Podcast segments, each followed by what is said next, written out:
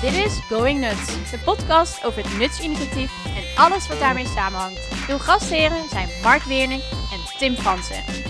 Waar gaan we het vandaag over hebben, Mark? Vandaag gaan we het hebben over het manifest dat wij vanuit Nuts hebben opgesteld. Het En, eh, Nutsmanifest. Het Nutsmanifest, inderdaad, met de acht uitgangspunten. Daar gaan we vandaag doorheen lopen. En eh, hopelijk op die manier de luisteraar wat beter geïnformeerd krijgen over eh, ja, die uitgangspunten en wat ze nou eigenlijk betekenen en waarom ze erin staan. En eh, ja, ja, wat heb je daar nou eigenlijk precies aan? Nou, lijkt me heel goed.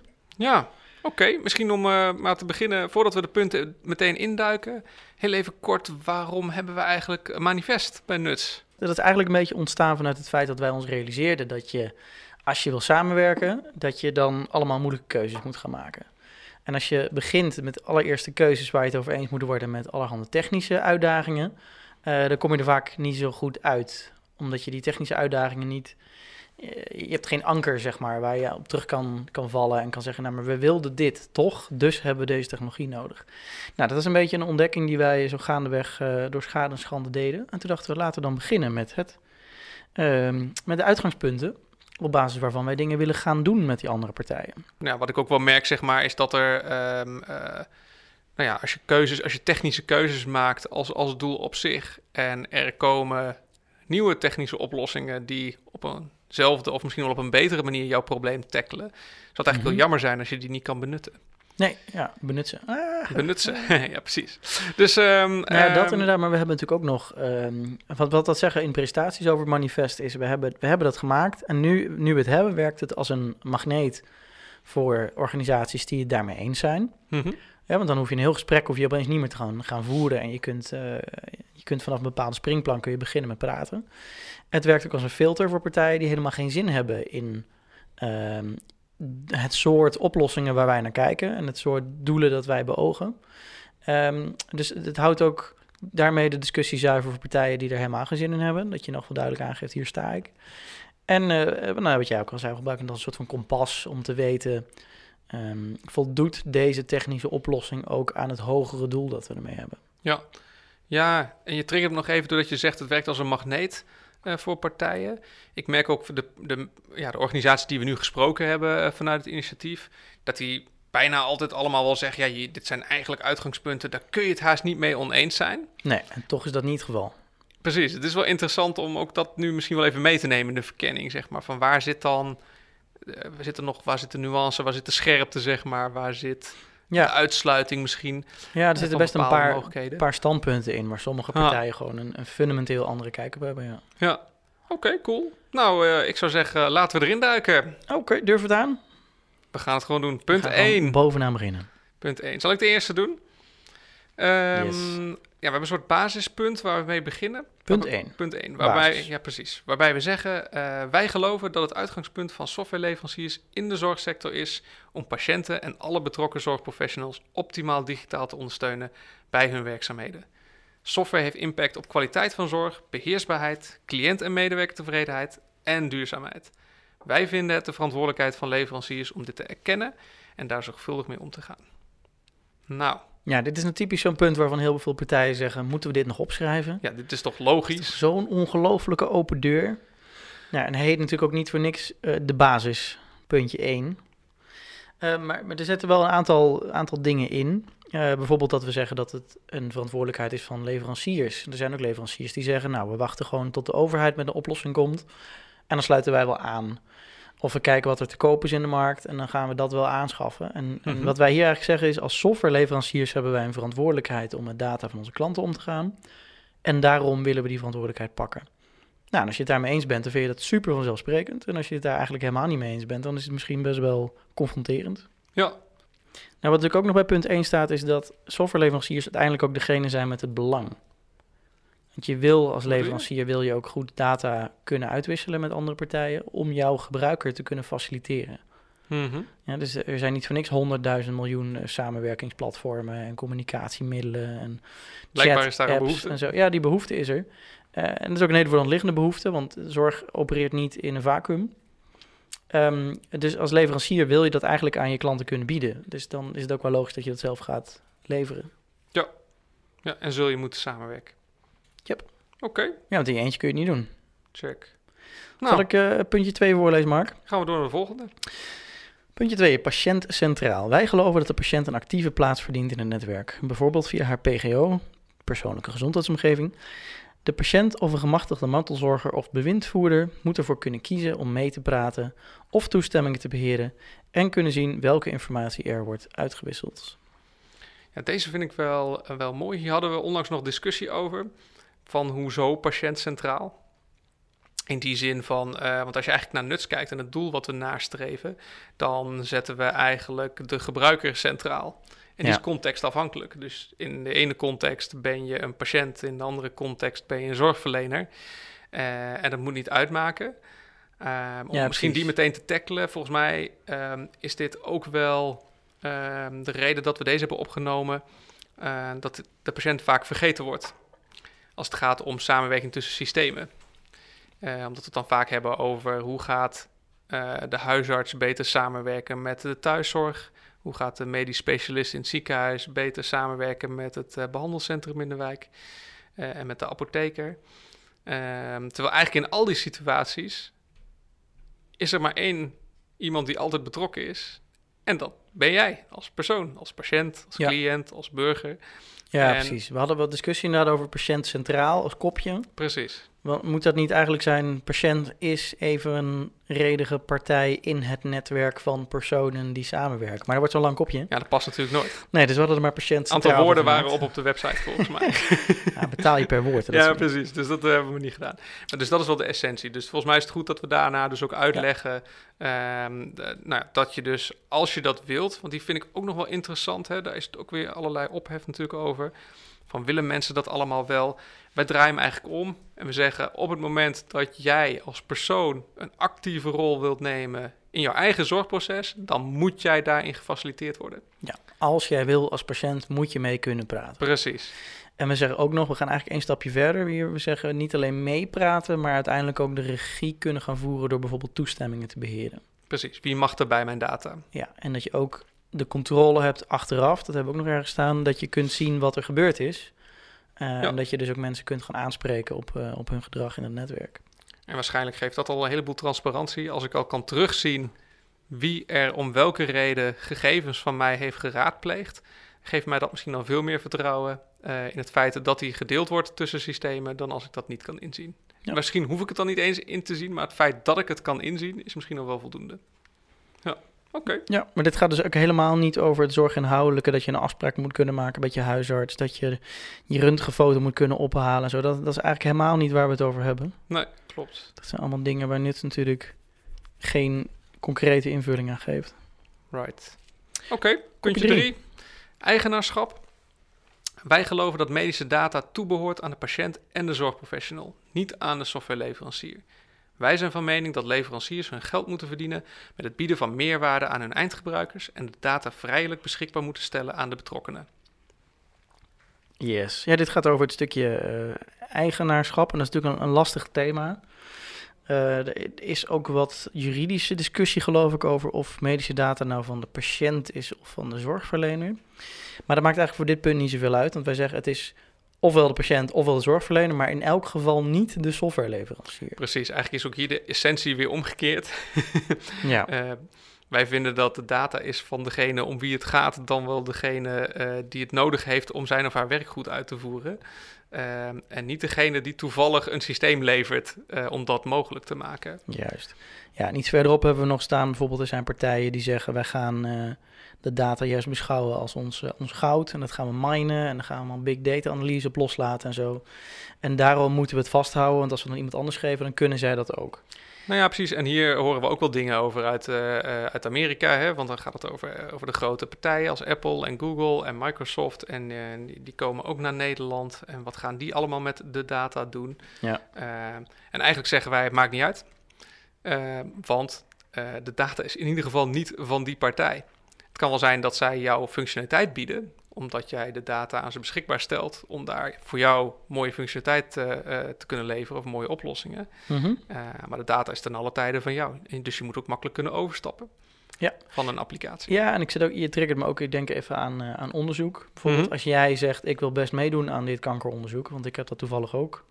En eh, ik heb eh, medische data verzameld in mijn PGO. Stel dat we dat op enig moment voor elkaar kunnen krijgen. Ja. Dan moet je ook kunnen zeggen, nou, ik, ik geef nu toestemming om die data verder te delen met misschien wel een Google of een Microsoft, omdat die met dat onderzoek bezig zijn. En dan zul je daar gehoor aan moeten geven. Of een universiteit of zo. En dan, dan komt inderdaad de vraag, gaan die softwareleveranciers dan zeggen, nee, die data is van ons. Precies. Wij willen ho. die analyse doen. Of, Oh, eens even. Je hebt hier ergens een obscuur vinkje ergens gezet bij een heel lang document wat niemand leest. dus mag dat niet. Dus mag dat niet. Nee, dat, is, dat kan niet de bedoeling zijn. Nee, dat is inderdaad een beetje wat we met dit punt eh, bedoelen. Maar dat is wel goed, goed dat we hier iets meer de diepte in gaan. Want dan zie je dus die- dat hij al wat spannender wordt misschien. Voor bepaalde...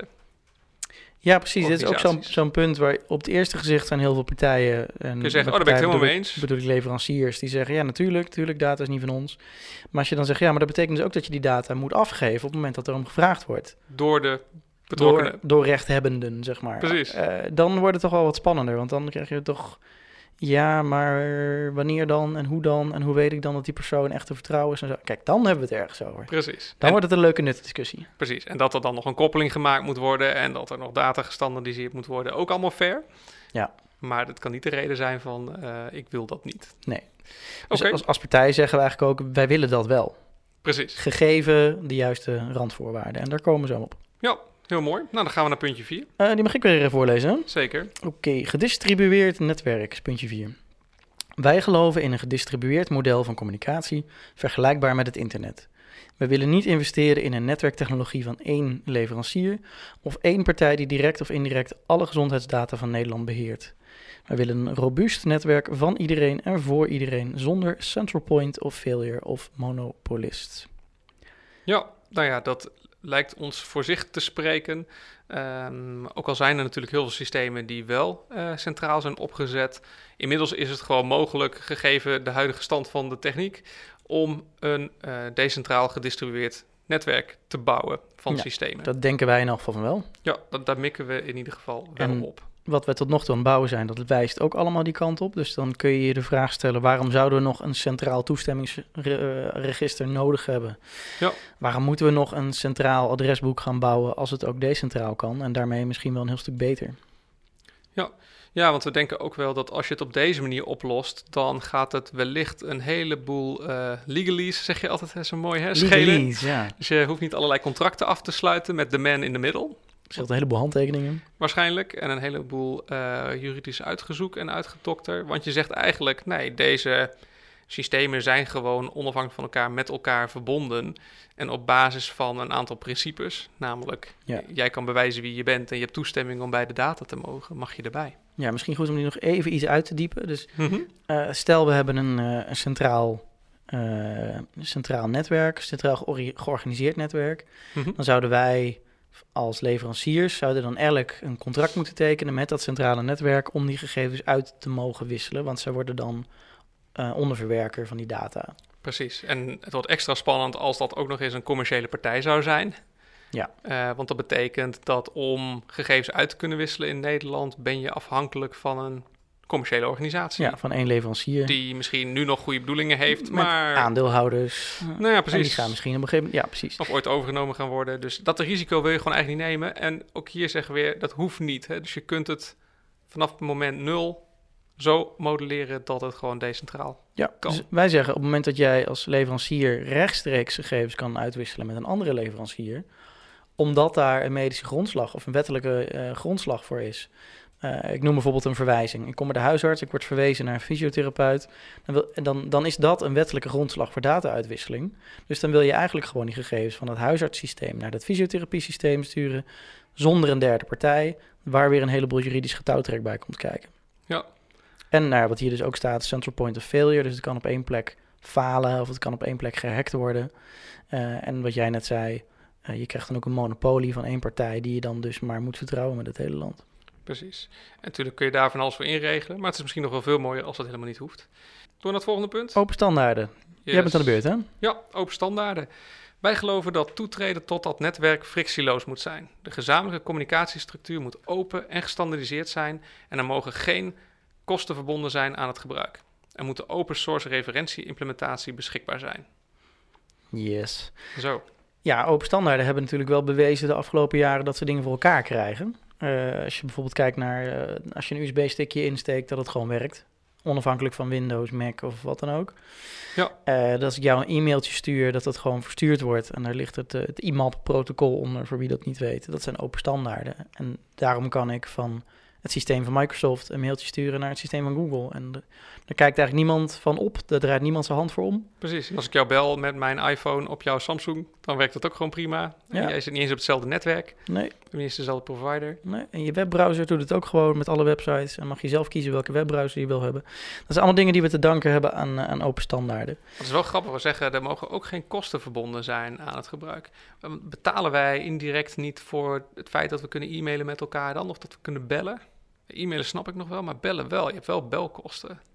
Ja, voor, voor je telefoon betaal je natuurlijk wel voor je abonnement. Maar daar betaal je voor het netwerk en voor de fysieke zendmasten die er in het land staan. Ja, precies. Maar en heeft ook één of twee partijen hebben dat moeten regelen natuurlijk. En de interoperabiliteit tussen dat spul, dat is een soort van hygiënefactor.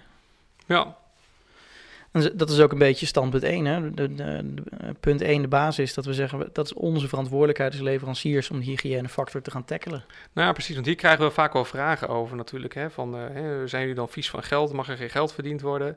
Nou, natuurlijk wel. Alleen wij vinden dat dat moet, eh, gekoppeld moet zijn aan de toegevoegde waarde die jij levert aan jouw gebruikers. Hè, dat is inderdaad weer eh, punt 1. Ja. Eh, dus helemaal prima. En goed dat daar ook marktwerking is en dat partijen elkaar gaan beconcurreren. Eh, maar daar waar, we, daar waar het gaat om onderwerpen waar we gezamenlijk belang hebben, is dat niet nodig. Mits we dan ook een evenredige investering doen daarin met elkaar. Ja, nee, ja, verdien vooral alsjeblieft gewoon lekker geld. Ja. Alleen niet op die plekken waar dat eigenlijk helemaal niet zo handig is, omdat je dan eh, Elkaar in de weg gaat zitten. ja, elkaar in de weg gaat zitten of de concurrentie verpest of zo, of de markt verziekt. Of, nou, de Ja. communicatie dus niet goed mogelijk maakt. Daar komt het dan eigenlijk op neer. ja, ik kan jou niet bellen, want ik heb een iPhone en die kunnen niet bellen met Samsung-telefoons. Dat zou absurd zijn. En toch is dat eigenlijk wat we in de zorg nog best wel zien. Nou, als je kijkt naar eh, eh, de Europese Unie, die geeft toch met enige regelmaat grote boetes aan, aan Google, een paar weken geleden nog, Hm? aan Microsoft, omdat ze allerhande dingen zo organiseren dat er een soort van koppelverkoop ontstaat. En nou, daar hebben we allerhande wetten tegen op Europees niveau. Ehm, en dan krijg je een soort van kartelvorming en dan, dan zit je als consument ook gevangen in één systeem. Eh, en, en wat we eigenlijk zeggen is, dat moeten we niet doen. Nou ja, en de, Dus eh de open manier, standaarden. en de manier waarop je dat kunt bereiken is met open standaarden. En als die wat moeten kosten, die open standaarden, dan creëer je dus toch weer frictie. En dan maak je dat het moeilijker is om mee te doen en te adopteren. Oké, cool. Dan eh, gaan we naar puntje 6. Oké, puntje 6, privacy by design. Wij geloven dat privacy by design in dit netwerk van het grootste belang is. Daarom willen we een systeem waarin je bewust informatie met elkaar deelt. We vinden het belangrijk dat een mens de keuze maakt om informatie te delen, bijvoorbeeld door een toestemming vast te leggen of een verzoek om informatie te accepteren. Ja, dit is weer zo'n punt waarvan je eigenlijk zou zeggen dat is heel erg logisch, maar waarvan we toch in de praktijk vaak zien dat het helemaal niet echt zo gaat. Ehm, we horen bijvoorbeeld wel eens verhalen, en dat zien we ook wel eens gebeuren in de praktijk, dat er dan tussen organisaties gewoon één key wordt uitgewisseld. En met die ene key kun je één API bevragen. En die, met die ene API kun je zo'n heel systeem leeg slurpen. Eh, of er wordt een, eh, een, een document met eh, allemaal medische data gegenereerd. En dat wordt dan over de schutting gegooid naar een andere organisatie, een andere leverancier. Oké, zo van hier heb je alles. En, En ga zelf maar filteren. En zo. Dat, dat, Ja. ja. dat zit voor een heel groot deel toch in pragmatisme, helaas. En wij zeggen eigenlijk zou je dat, als je zo'n systeem gaat ontwerpen, dan wil je dat dat privacy by design gebeurt. En privacy by design betekent voor ons dus ook dat je, dat je toestemming altijd expliciet moet geven om gegevens te delen. Dat je nooit impliciet bij meer moet kunnen dan, dan waar je bij mag. Oké, hier hebben we nog wel eens discussie over. Want je zegt inderdaad bewust expliciet dat eh, we ook wel discussies hebben gehad dat mensen zeiden: ja, maar soms is er ook sprake van impliciete toestemming. Het feit dat jij een behandelrelatie hebt met de huisarts geeft hem of haar misschien wel impliciet toestemming om ook data op te halen bij het Ja. ziekenhuis die bekend Ja. is over jou.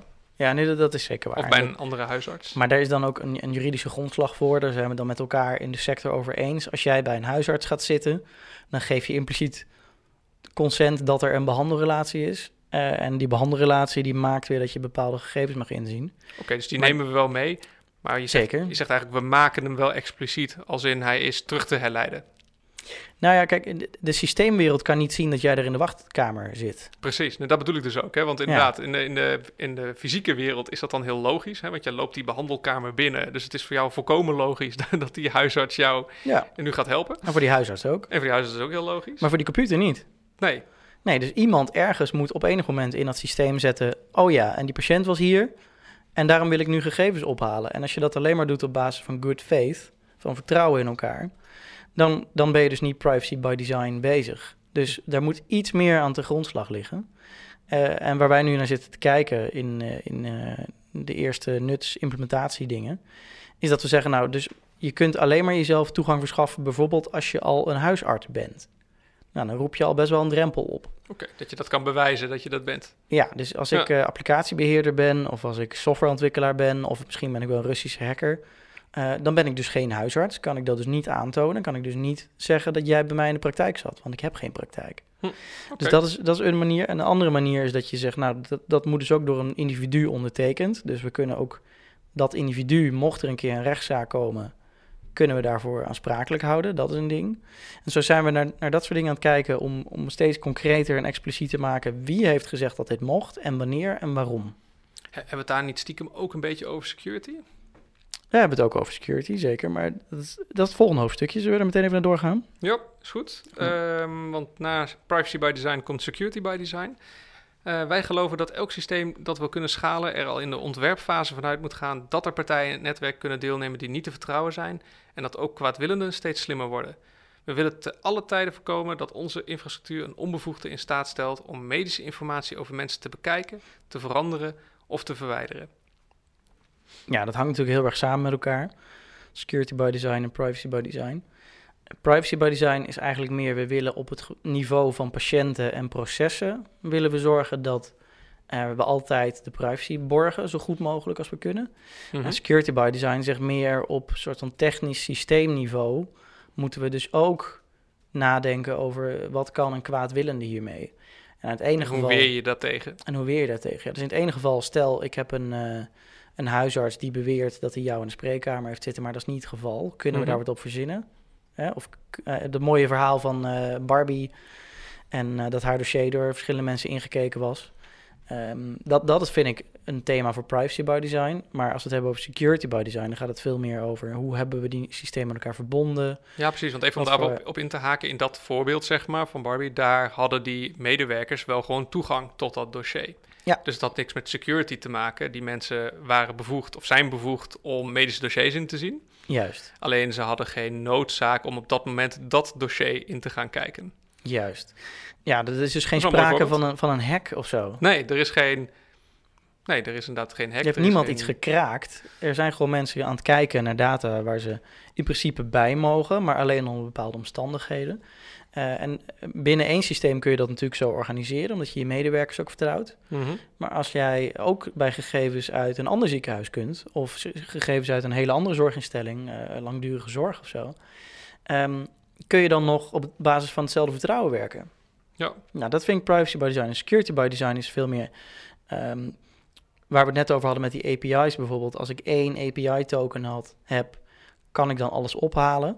Dat is één. Maar een ander is ook, ehm, hoe kom ik aan die API-token? Hoe lang is dat token? Eh, gebruik ik een private key met een hele lange, moeilijke, complexe cryptografische sleutel? Of is de API-token eh, secret? Je, dat maakt uit. dat, dat is een Ja. beetje het security by design aspect ook. En hoe, eh, hoe kraakbaar is het spul? Wat voor algoritmes gebruiken we daarvoor? Ehm, maar inderdaad, ook, ook gaan we gewoon met elkaar een walled garden afspreken... waarbinnen je andere systemen naar hartelust kunt bevragen. Ommuurde tuin, hè? Voor even, versta je misschien slecht wat je daarmee bedoelt. Oh, sorry, ja. Ja, dus inderdaad, vandaag, vandaag worden systemen vaak ontworpen als een, eh, als, mag ik zeggen als een silo? Nee, nee, dat je dat vind, ik- nee, dat vind ik toch wat anders. Ja. Met een walled garden bedoel ik een soort van eh, inner circle van leveranciers die elkaar vertrouwen. Precies, en als je daar binnen bent, dan vertrouw ik je. En als je daar buiten bent, niet. Ja. Terwijl dat misschien ook helemaal niet logisch is. Nee, Om mensen per definitie te vertrouwen als ze eenmaal eh, binnen zijn. nee, want dat gaat niet schalen. Dat is een beetje het lastige ervan. Ja. Als jij met drie partijen met elkaar een contractje sluit en zegt wij vertrouwen elkaar, dan kun je elkaar in de ogen kijken. Eh, en er werken dan bij die partijen ook misschien 100 mensen of 200 of 300 mensen. Nou, dus dan heb je het in totaal heb je het dan misschien over zeven- 700 mensen of zo. Dat is nog overzien. Daar kun je protocollen en beleid op loslaten. Kun je zeggen, we voldoen allemaal aan dezelfde certificering, dat soort dingen.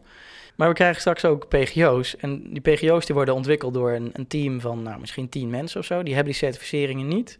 Die hebben niet de luxe dat ze bij een grote organisatie zitten die allemaal juridische zaken kunnen gaan regelen. Maar die willen wel meedoen in dat netwerk straks. Precies. En hoe kunnen we dan op vertrouwen dat we dan de beveiliging goed geregeld hebben met elkaar, zonder dat we zeker weten dat al die individuele partijen hun eigen beveiliging op orde hebben?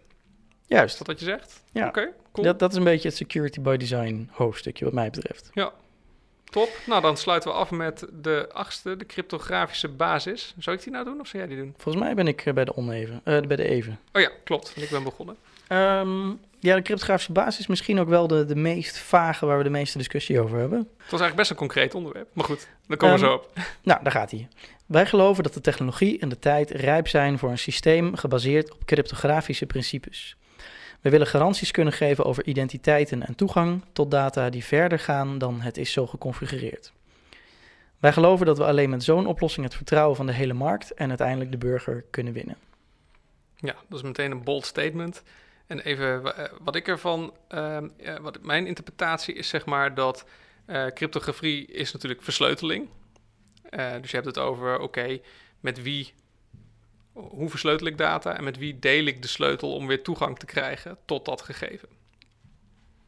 Ja, dat is inderdaad een groot deel ervan. Een ander deel is, eh, met cryptografie kun je ook bijvoorbeeld bewijzen wie je bent. Oké, Dus het zit hem niet alleen maar. Ja, dat is misschien ook wel een beetje waarom we soms wat verwarring hebben over dit punt. Mhm. Nu ik erover nadenk. Cryptografie gaat niet alleen maar over versleuteling. ik denk ook omdat cryptografie, als je dat roept, zeg maar, en ik kan me voorstellen dat het iets, een beeld oproept van eh, de Tweede Wereldoorlog en toen we... En de eh, enigma. De enigma inderdaad. En we gingen versleutelde berichten versturen die de vijand niet kon onderscheppen. Op zich is dat niet onwaar, maar Nou, dat heeft het ook wel mee te maken. precies. Maar het gaat eigenlijk veel verder, zeg je. Nou, niet, niet heel veel verder, maar het gaat iets verder. In de zin dat we met moderne cryptografie niet alleen maar data kunnen versleutelen. maar ook data kunnen signen, zoals het dan heet, dus ondertekenen. Ehm, een heel klein stukje micro-introductie tot cryptografie dan. Ja, doe maar. Op het moment dat ik een private key heb, zoals dat heet, dus mijn privésleutel, Ja, dan kan ik daar eh, twee dingen mee doen. Ik kan er dingen mee ondertekenen en ik kan er dingen mee versleutelen. Dus als jij iets naar mij wil sturen en je wil dat alleen ik het kan lezen, dan heb jij iets nodig dat heet mijn publieke key ja. mijn publieke sleutel. En daarmee kun jij dan gegevens wel versleutelen, maar nooit meer ontcijferen.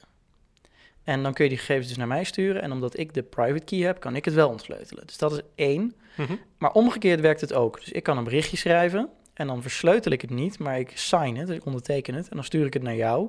En dan kun jij aan de hand van mijn public key kun je valideren dat ik het was die het heeft ondertekend. Precies. Dus dan weet ik zeker dat Tim Fransen dat heeft ondertekend. Ja, dus dat is eventjes eh, public key cryp- cryptography voor beginners. En waarom is dat belangrijk? Nou ja, dat is belangrijk omdat we willen weten in zo'n netwerk van wie komt een verzoek tot gegevens bijvoorbeeld. Mhm. Ehm, en daar, daar zijn we mee aan het spelen. En dat gaat natuurlijk heel veel verder dan dit, maar dat geeft net even wat context dat je, dat je het een beetje kunt plaatsen. Precies, ja, want we hebben het veel over identiteit inderdaad. En, en hoe kun je bewijzen wie je bent zonder dat ik jou in mijn systeem heb staan als gebruiker. Dat vind ik zelf altijd wel een mooi voorbeeld. Ik, ik wil eigenlijk, ik ben, eh, even als voorbeeld, ik ben een huisarts. En ik Mhm. wil eh, toegang tot data die bij het ziekenhuis ligt of bij de thuiszorg.